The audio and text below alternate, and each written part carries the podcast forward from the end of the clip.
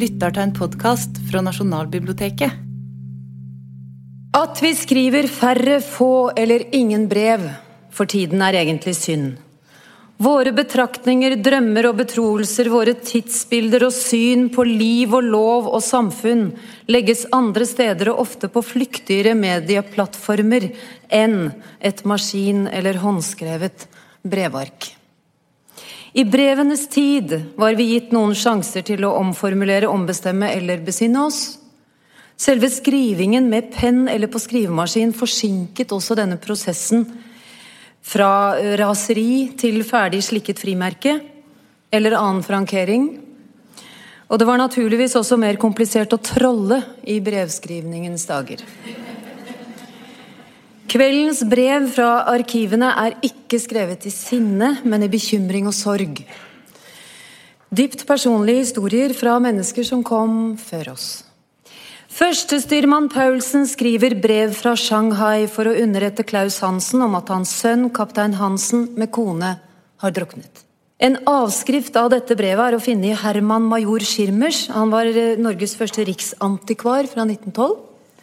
Papirer her inne i Nasjonalbiblioteket. Og tilsynelatende var Schirmer til stede i Kristiania den 25. oktober 1865 da den forulykkede kapteinens brødre Alt dette her er jo litt sånn komplisert, for ting tok tid. Så vi må gå gjennom dette. De altså, forulykkede kapteinens brødre som mottok dette brevet sammen med et brev fra faren Klaus Hansen. Styrmannsbrevets adressat med det sørgelige budskap. Brevet fra Klaus Hansen til sønnene i Kristiania er skrevet 19.10.1865. Ut fra dette kan vi regne oss fram til at brevene fra Bergen til Kristiania brukte en liten uke på å nå fram. Det var ikke så verst. Mens brevet fra førstestyrmann Paulsen til Klaus Hansen brukte ca. to måneder på veien fra Shanghai til Bergen. Så det tok tid å få vite hva som hadde skjedd med noen du elsket. Den 3. november 1865 sto følgende notis å lese i Morgenbladet. Slekt og venner bringes det sørgelige budskap at vår eldste sønn, skipsfører Hans Peter Hansen, 33 år, og hans hustru Adelheid Magdalene, født Ek, 23 år, omkom den 10. august ved fergebåtens kantring på floden ved Shanghai. Bergen den 20. oktober 1865. Elisabeth Concordia Hansen, Klaus Hansen, født Skram. Mattis Herman Nyquist leser. Shanghai den 16. august 1865. Herr bankbokholder C. Hansen. Det er dessverre en tung plikt som jeg i dag oppfyller ved å tilskrive dem. Ti, det er sorgens budskap som jeg denne gang bringer. Et budskap som vekker sorgens tårer i elskende foreldre og søskenes hjerter. Men Guds styrelse er forunderlig, og han gjør alt til det beste. Om enn skjønt vi ikke kan fatte det. Jeg må nemlig melde dem, deres sønn kaptein Hansens og kones død. De ble av Herren bortkalt til et bedre liv natten mellom den 10. og 11. august. Deres sønn med kone forlot skipet klokken seks om bord i en hamburgsk bark, ført av kaptein Kofot, som var en gammel venn av min kaptein. Klokken halv elleve forlot de atter selskapet for å reise om bord. De hadde sin egen fergebåt. Disse båter er små, flatbunnede og betjenes av en mann som vrikker med en åre, desforuten er det forut i båten et sete, hvorover det er et tak av matter som beskytter så vel mot sol som regn. Da båten forlot kaptein Kofod, rant det en sterk strøm, som endog var voldsommere på den ene siden av reviret hvor skipet lå. Jeg var just gått i min køye og lå våken, og vakten gikk og drev på babords side av skipet. Jeg hørte da hvorledes en båt med fryktelig larm klappet til fallrepstrappen, og samme øyeblikk hørte jeg et utrop som jeg kjente å være kapteinens Sei der! Og til samme tid et utrop som jeg kjente å være hans kones. Å Gud! Både jeg og vakten kom styrtende til fallrepet, men kunne da intet se uten en båt, som just da kom opp omtrent 15 favner aktenfor skipet. Overbevist om at det var kapteinens og hans kones stemmer jeg hadde hørt, sprang jeg øyeblikkelig til med fem mann i båten og rodde nedover med strømmen. Alt dette kun på noen få sekunder. Et stykke nedenfor skipet fikk jeg fatt på fergebåten, på hvis hvelv fergemannen satt. Jeg fikk ham opp i båten, og etter å ha kantret båten undersøkte jeg den inni, men fant dog intet uten fru Hansens hatt. Vi rodde flere ganger opp og ned, men kunne intet finne. Etter fergemannens forklaring tok kapteinen fatt i gelenderet, men da båten i samme øyeblikk skar seg full og gikk rundt, slapp han trappen og grep sin kone, som satt i båten på setet med hånden. Men siden hadde han ikke sett det mer. Han hadde selv holdt seg fast til båten ved det stykket tau som henger ved båten og åren. Det gjør meg meget ondt at jeg ikke har kunnet finne deres legemer, og så gitt dem en hederlig begravelse, men skjønt vi har gjort alt mulig, både ved egen og andres hjelp, så har vi dog ikke funnet noe. Jeg har undersøkt i flere mils omkrets, men uten hell. Så sørgelig det er at de begge ble borte. Så jeg tror dog at det er best for begge, da den efterlevende av to hverandre så høyt elskede mennesker som kapteinen og hans kone var, sannsynligvis aldri ville ha kunnet gjenvinne sin tilfredshet. Deres effekter pakker jeg ned i kassen og setter hos konsulen i forvaring, inntil enten skipet går hjem, eller jeg kan erholde nærmere ordre derom fra dem. Fortegnelsen overfor deres effekter og private efterlatte penger vil følges snarest mulig. Jeg forblir deres med all aktelse, ærbødigst N.M. Paulsen, styrmann.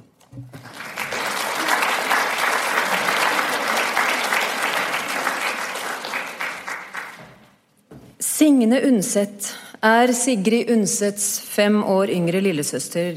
Eh, Sigrid ble født i 1882 og Signe i 1887. Og de sto hverandre svært nær. Signe var søsterens regnskapsfører og ga henne så ørene flagret fordi hun hadde vært for slepphendt med pengene i et brev fra 1909. Hvilket vi skal ta en annen gang når det handler for om å være for slepphendt med pengene, for der tror jeg det er veldig mye. I dette brevet fra 1936 handler det derimot om noe annet. Sigrid har reist til Gotland, mens sønnen hennes Hans, som da er 16-17 år, har begynt å slite med nervene. Året før begynte han på Hartmanns internatskole i Asker, men nå synes den videre skolegangen å være uviss. Og dette brevet er fra 20.2.1936, og Ingrid Bolsø Berdal leser. Kjære Sigrid. Hartmann ringte i dag. Han ville først ringe til meg før han skrev til deg. Mente det kanskje var bedre jeg brakte saken på bane for deg. Han visste òg du hadde vært syk, og dette er jo triste nyheter. Han kan ikke anmelde Hans til middelskoleeksamen. Han mener at slik saken nå står, er det nytteløst. Matematikklæreren satt der da han ringte til meg. Det noenlunde oppmuntrende testimonium gutten fikk til jul, kan han ikke mer fastholde. Dette siste semester før eksamen kreves det atskillig øket arbeidstempo av elevene. Hele pensum skal gjennomgås i alle fag. Overfor disse økede kravene har Hans meldt fullstendig pass. Skjenn, straff, påvirkning, det preller av. Det er helt umulig å få gutten til å arbeide. Slem og hissig er han langt fra. Hartmann mente nå at forklaringen må søkes i rent legemlige årsaker. At gutten ikke er frisk. Og han mente bestemt at Hans burde undersøkes av en nervelege. Jeg er svært ute av meg over dette, enda det kommer jo ikke helt uventet. Og det vet jeg jo det ikke gjør for deg heller, men det gjør jo ingenting lettere. Gutten har ofte engstet meg, han virket ikke frisk, tross sin størrelse og sin blomstrende farve. Men i vinter har vi alle syntes han nettopp virket mer munter og fornøyd og ungdommelig, så jeg trodde han nå var på vei til å vokse av seg en del av det som hemmet ham. Det er en vanskelig og krevende alder dessuten, og den voldsomme og legemlige veksten er en påkjenning. Men overfor en slik ting som virkelig eksamenslesning strekker altså ikke ressursene til. Jeg har av og til selv vært inne på den tanken at Hans burde undersøkes av en nervelege. Det vet jeg at du selv også har vært. Men jeg har latt være å bringe det på bane like overfor deg fordi jeg ikke visste helt hvordan en slik ting ville virke på gutten, det at han var sendt til nervelege. Egosentrisk og uberegnelig som han jo er, var jeg redd det kunne føre til at han ble hypokonder og helt la årene inn. Men nå tror jeg det må gjøres allikevel. Det går jo ikke an kanskje å sprenge guttens nerver. Det må vel kunne finnes påskudd, hans dårlige hukommelse eller slikt. Hvis du vil at det skal gjøres før du selv kommer inn, så skal jeg greie det. Finne en plausibel forklaring som ikke skaker gutten opp, og følge ham. Eventuelt tale på forhånd med legen og orientere ham. Så måtte jeg beholde gutten her mandagen over. Det er jo doktor Sætre. Jeg tror det er en klok og erfaren og bra mann. Feilen ved ham er at han er så forferdelig opptatt. Han er jo Dahlstrøms etterfølger. Monrad Krohn har de jo truffet, han er visst også dyktig nok. Han hadde uttalt til min svigerinne i anledning Sigge at Sætre tok for meget på seg, eller noe slikt. Jeg vet ikke om han forstår å parsellere seg selv litt mindre ut, det er jo mulig. Så er det jo også flere andre, unge. Ja ja, dette er jo ikke så bra. Jeg skulle gjerne hatt andre nyheter til deg om din gutt, Sigrid, men det må jo sies. De kjærligste hilsener. Din hengivne Signe.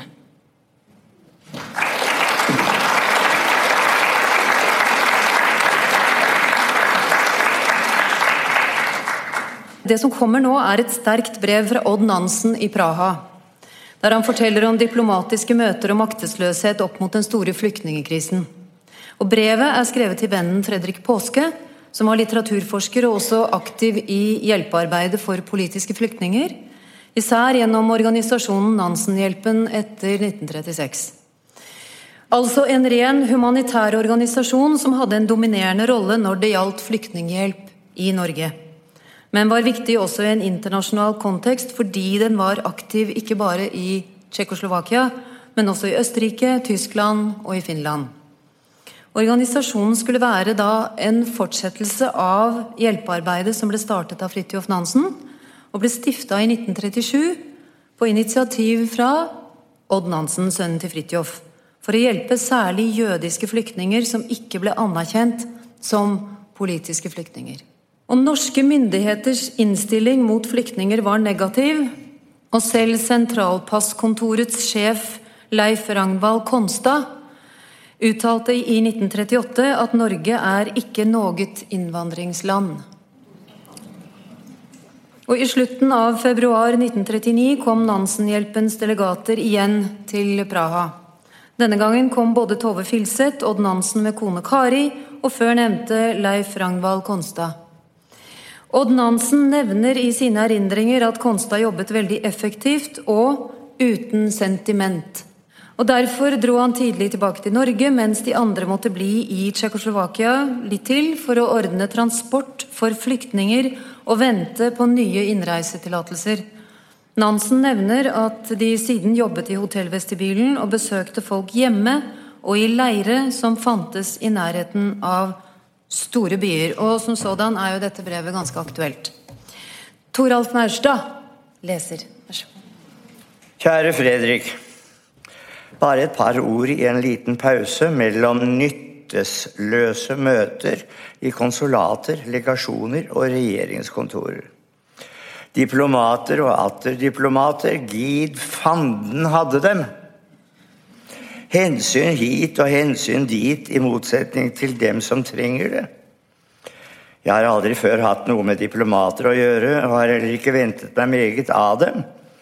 Men det kompani av middelhavsfarere nasjonene har sendt hit, må være enestående. Åndelig og legemlig talt tripper de på tå hev omkring i strømpelesten og skjelver i buksene bare ordet 'politisk flyktning' blir nevnt. Som om vi har noe å skjule. som om det skulle være en fordiktig handling å søke hjelp. Medmennesker i den ytterste nød og redsel. Tenk deg å se på alt dette uten å være i stand til å hjelpe. Hvor fortvilet det da er å være disse menneskers halmstrå. Fortvilet klamrer de seg til oss. Ja, som kujoner. Men hvem kan dømme dem? Men atter andre, selvoppofrende, flotte, modige mennesker med tanke bare for andre, andre hundreder, andre tusener.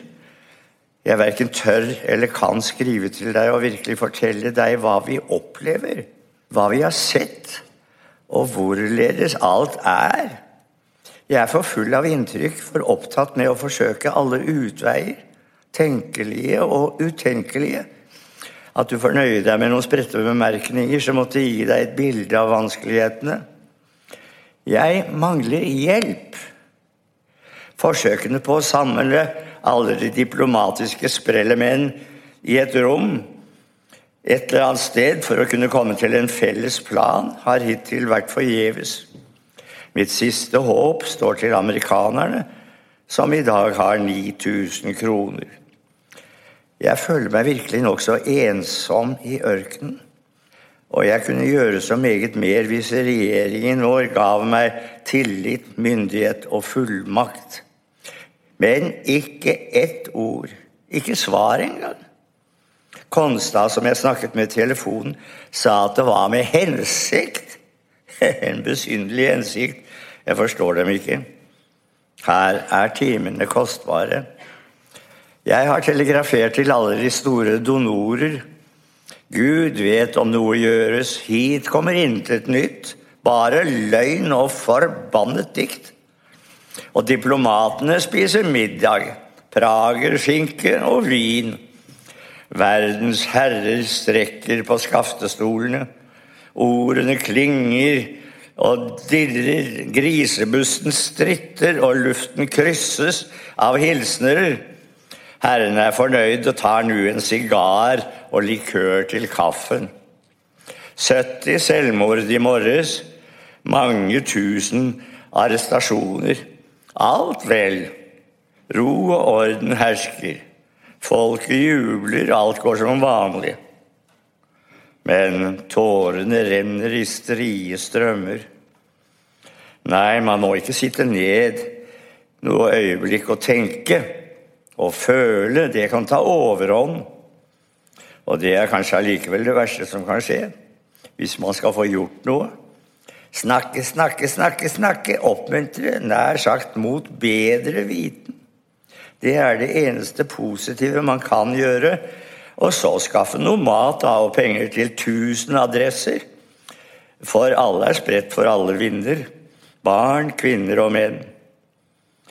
Jeg har en beklemmende følelse av at det ikke finnes i verden en eneste en som rager opp over alle de andre. En som kunne ta fatt på redningsarbeidet utenfra som kunne skreve over alt filleriet, og som kunne snakke så høyt at noen hørte på. Kjære Fredrik. Dette ble nokså spredt også, men jeg er ikke i stand til å skrive brev. Jeg blir her så lenge vi øyner vi har noe her å gjøre. Jeg kan ikke reise hjem nå. Jeg tenker med sorg og gru på mitt egentlige borgerlige arbeid i de øyeblikk jeg har til overs i det hele tatt til å tenke på noe utenom. Hils Stina hvis du kan få regjeringen til å stole på meg. Iallfall inntil en viss grense ville være det bra. Vi har jo ingen minister her, vet du. Kun en gammel, hyggelig tsjekkisk konsul som nærmest er lamslått selv, men som ellers er snill til å hjelpe til med å sende telegrammer og snakke tsjekkisk i telefonen når det trengs. Ja. Min adresse er sikrest Norske generalkonsulat. Ha det bra, og gjør hva du kan for å løsne på bestemmelsene. 500 norske pass redder 500 menneskeliv. Ja. Takk.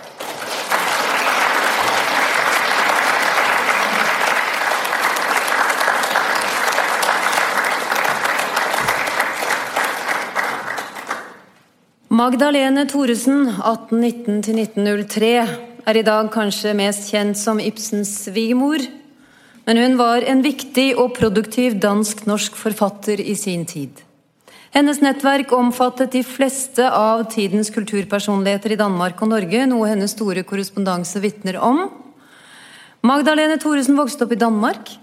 Hun skrev hele tiden, tok lærerutdanning, og ble ifølge skriften gravid med en medstudent, uten at vi egentlig vet noe mer om dette. Og siden ble hun guvernante for prost Hans Konrad Thoresen og hans fem barn på Herøy. Som hun giftet seg med, altså ikke barna, men prosten. De fikk i tillegg fire barn sammen. I 1844 flyttet familien til Bergen, og hjemmet deres der ble et møtested for skuespillere og forfattere. På det nystiftede Norske Teater i Bergen, stiftet av Ole Bull i 1850, fikk hun oppført fire skuespill anonymt. Her ble hun dessuten også kjent med Henrik Ibsen og Bjørnstjerne Bjørnson, og i Bergen skrev hun dessuten diktet av en dame', som hun ved hjelp av Bjørnson fikk utgitt anonymt i 1860. Som enke flyttet Magdalene Thoresen tilbake til Danmark i 1861, og i 1863 fikk hun utgitt fortellinger. Året etter ga hun ut bonderomanen 'Signes historie'. Vi skylder henne å fortelle hva hun har gjort. Georg Brandes og Magdalene Thoresen ble presentert for hverandre i Klampenborg 12.6.1864. Brandes var 22, Thoresen 45. Aldersforskjellen mellom Magdalene Thoresen og Georg Brandes var én ting. Livserfaring og kunnskapsnivået en annen. Og for vår tid er Georg Brandes den berømte av de to, men da de traff hverandre, forholdt det seg omvendt. Ine Marie Wilman leser. Et brev kan være både fattig og rikt. Både sterkt og svakt. Det kan friste, og det kan fornekte. Men hvilken oppfinnelse! Gode Gud, hvilken lykke, tross alt! Hvilken forsoning! Og når da et brev avspeiler hele vesenet, hvilken nærværelse! Hvilken innånden av sjelens aroma! Men la meg dog begynne med begynnelsen. Jeg takker dem for deres brev. For tredje gang har de vært med meg inni en feberlidelse og lindret den for meg. Like som berørelsen av en fast hånd, på en gang både kjølende og varm, eller som et friskt avplukket blad, hvis vidunderlige vederkvegelse kun tanken på et elsket menneske kan erstatte. Og nå vet De, min unge kjære, når det hendte første gang? Jo, når vi skulle møtes på Klampenborg. Det var natten efter den dag de selv nevner i deres brev. Jeg hadde forkjølet meg så voldsomt og fikk om natten min sedvanlige, under nesten alle sykdomstilfeller like heftige feber. Da måtte min sterke Sara sitte hos meg og holde meg i den ene hånd, og da var det hint eiendommelige forekom at jeg mente det var deres hånd. Det kom kanskje av at hun, like som de, like som meg selv, like som alle moralsk sterke mennesker og navnlig trofaste naturer, har lange håndledd. Dette var nå noe jeg, nest etter det dype, faste sjeleblikk deres øyne evner, mest la merke til ved vårt første møte. Jeg kan ennå se dem gi meg mitt blikk så fast tilbake som kun sannheten og sjelens rene gull det makter. Og dernest rakk de meg tvers over bordet deres hånd til avskjed og smilte til de lange håndledd og følte håndlaget like inn i hjertet. Men nå, i fredags Ja, da kom den lindringen på en annen måte. Ti gråt er meg alltid en lindring, dog vel forstått kun som den smertefulle kur som etterlater den sikre bedring. Nå, og jeg gråt så heftig etter å ha lest deres brev. Så heftig som man ellers kun kan gråte i den alder da gleden nesten dreper. Og derfor skal de ha takk, og all den glede jeg kan gi dem. Dessverre vil den alltid fra min hånd kun vekke lengsel etter en større fra en annen, men det må så være. Dog la meg ikke reflektere meg inn i engstelsen. La meg heller være hos dem i full uforstyrret ro og glede. Men vil de nå også riktig bry dem om mine brev? Og kan jeg nå også la sjelen fly slik av sted med dem som min make, ut over betenkeligheter og beregninger, så høyt oppover jorden at ingen støvsky og ingen speiderblikk dit når, kan jeg da ikke gjøre det uten synd? Jeg vil jo ikke lenger ta feil av idealet. Jeg vil ikke lenger at forblindelsens blår skal fordunkle mitt klare syn. Men det må dog vel være meg tillatt å elske et vesen fullt ut, som har gitt meg den forståelse ingen hittil har kunnet avse til meg, vansmektende stakkar. Jeg vet meget godt at min er hele feilen. Jeg har forlangt det av en mann hans griske, sanselige natur ikke har kunnet yte. Jeg har forlangt gjennom ham å formeles med ideen om at min dype dikterlengsel måtte hvile ut i en personlighet, måtte befruktes av en manns kjærlighet, hvis den ikke skulle bli som de golde blomster som ingen frøknute setter og ingen frukt gir. Men denne, min rene kjærlighetstrang, ble kalt flaneri. Og vet De, så lenge kan verden se på oss med tvilsomt syn at vi til slutt mistviler oss selv. Jeg vet at jeg har tvilt over meg selv, og sørget til vanvidd over meg selv. Tid jeg trengte i alle mine store åndelige anfektelser til å vinne styrke gjennom andres tillit. En eneste mannlig sjel som hadde gitt meg rom for begeistring i et rent og varmt hjerte. Ja, hva hadde han ikke gitt meg? Men det var nå ikke så. Jeg var en fristelse og ble aldri sett på med troens milde øyne. Jeg minnes dog denne stund et brev jeg har liggende fra Bjørnson, som tyder hen på en forståelse av meg som vel er den eneste jeg til da har truffet på. Han sier de vekker en slik lengsel når man tenker på dem, og en slik heftig attrå når man ser dem, at man kunne friste til å styrte seg mot dem og slutte dem i sine armer. Men det må slett ingen gjøre, ti det var en stor synd. Så vidt hans ord. Det er nå seks år siden han skrev dem, og det forklarer et og annet som vel synes dem for meget sagt. Men husk, de er ikke mine. Det er en mann som har sagt dem. Og nå byr de meg en enda finere forståelse. Og de har ved første møte med meg trodd på meg. Hatt en fornemmelse for mitt vesens renhet, enda så meget vrøvl vel stilte seg i veien. Og de trodde at jeg var dikter. At jeg bar den guddommelige kallelse i mitt vesen i frykt og beven. Og ba like som brød til dens jordiske næring og kjærlighet og tro til dens pleie hos hvert menneske jeg møtte. Og om skånsel for dens fattige tilsynelatelse, uaktet den kom fra et rikt og strålende land.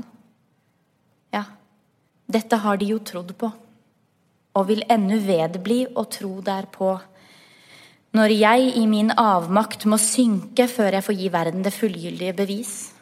Eller når jeg må famle meg frem fordi åndens klare fakkel slår ned med røk og skinner ikke lenger med sitt rene lys.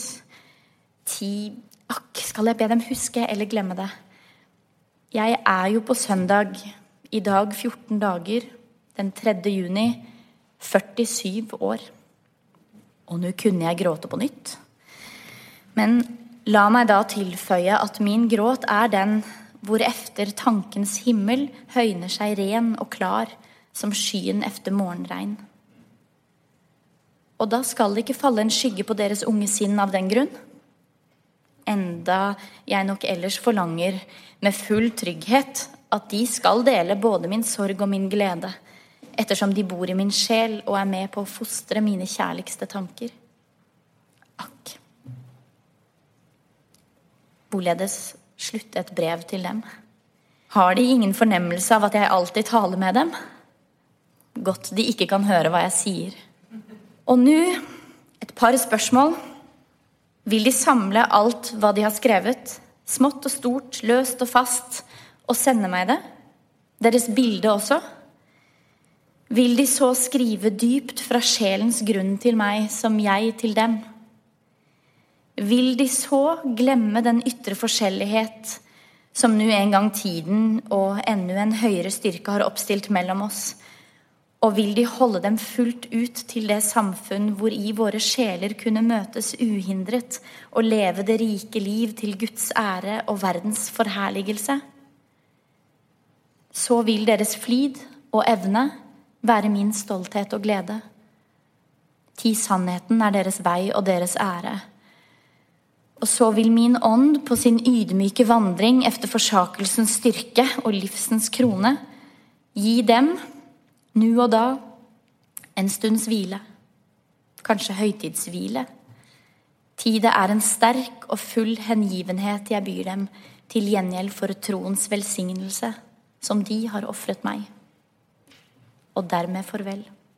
Deres Magdalena Thoresen.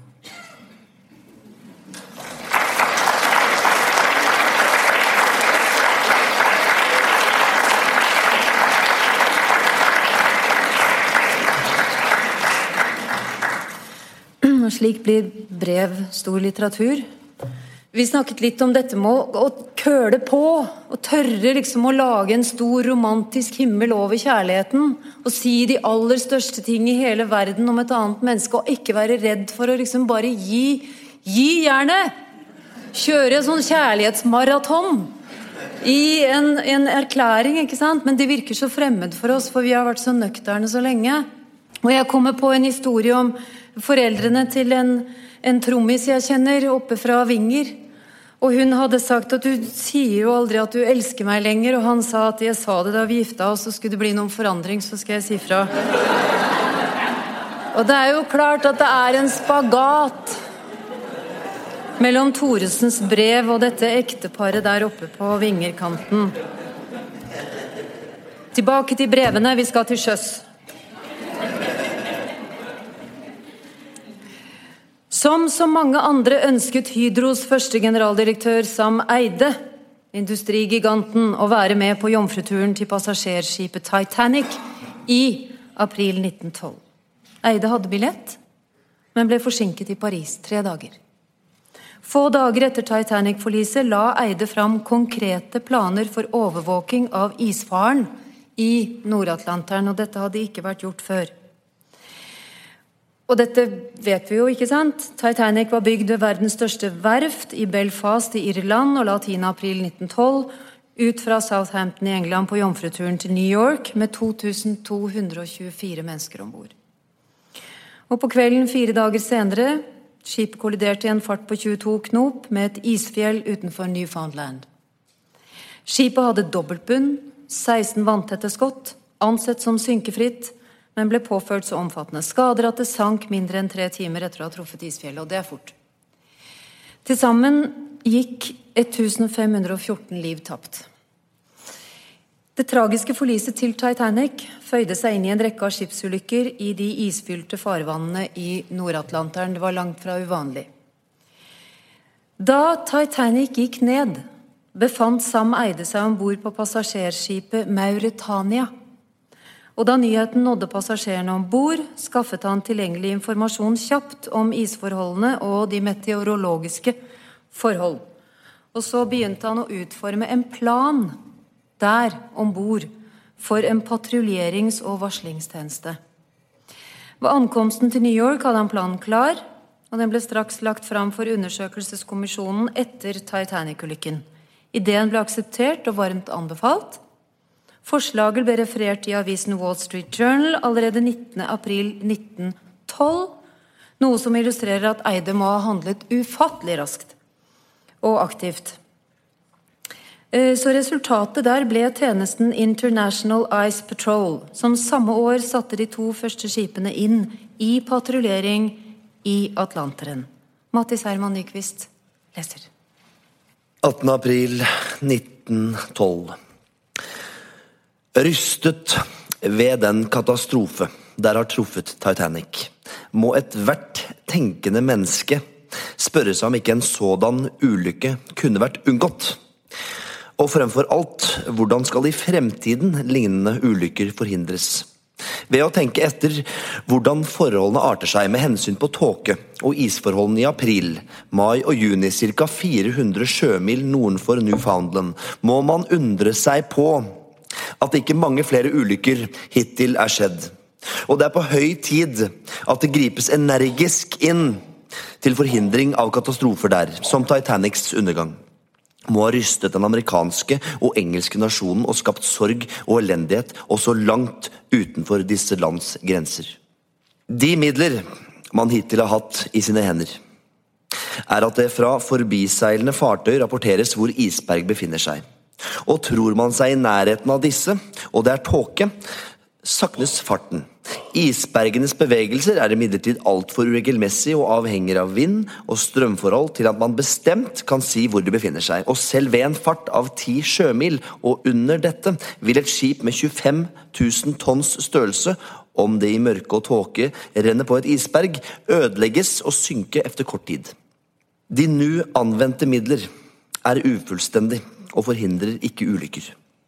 Man må ta det hele skritt ut, og ikke alene, leilighetsvis, i jakta isbergenes vei. Man må innrette en regelmessig fullt organisert bevoktning av dem. Man må innrette en sikkerhetskjede av bevoktningsskip på det området isberg kommer i berøring med de store rutegående hovedlinjene mellom Amerika og England. Dette er om så enklere som det området som skal bevoktes kun er 400-500 sjømil, og ti skip av ca. 1000-1500 tonn vil kunne besørge denne bevoktning. Skipene skal være forsynt med trådløs telegrafi, og for tåke særskilte signaler. De skal stadig ha de drivende ismasser under observasjon og innhente hvor de befinner seg. Kommer et isberg innenfor eller i nærheten av hovedruten, skal skipet følge dette i sikker avstand og i tåke gi sitt signal, og sådan alltid nøyaktig kunne angi hvor faren er. Detaljer ved den innretningen av en sådan bevoktnings- og konvoitjeneste er det ikke her adgang til å komme nærmere inn på. Det blir de sakkyndiges oppgave. Hva jeg her har villet fremholde, er ordningen i sine hovedtrekk. Omkostningene ved å la ti skip på ca. 1500 tonn krysse som bevoktning i det for isberg farlige beltet i april, mai og juni, vil kun beløpe seg til 12 000-15 000 pund, og spiller ingen rolle i sammenligning med de verdier som her står på spill av mennesker og eiendom. Om det enn kostet det dobbelte, så er de store dampskipreders plikt å innrette en sådan sikkerhetstjeneste som mer enn noe annet vil kunne berolige de mange som betror sitt liv i deres hender. Og jeg er sikker på det vil vekke den største sympati blant hele den amerikanske og britiske befolkning og møtes med takk fra hele den siviliserte verden.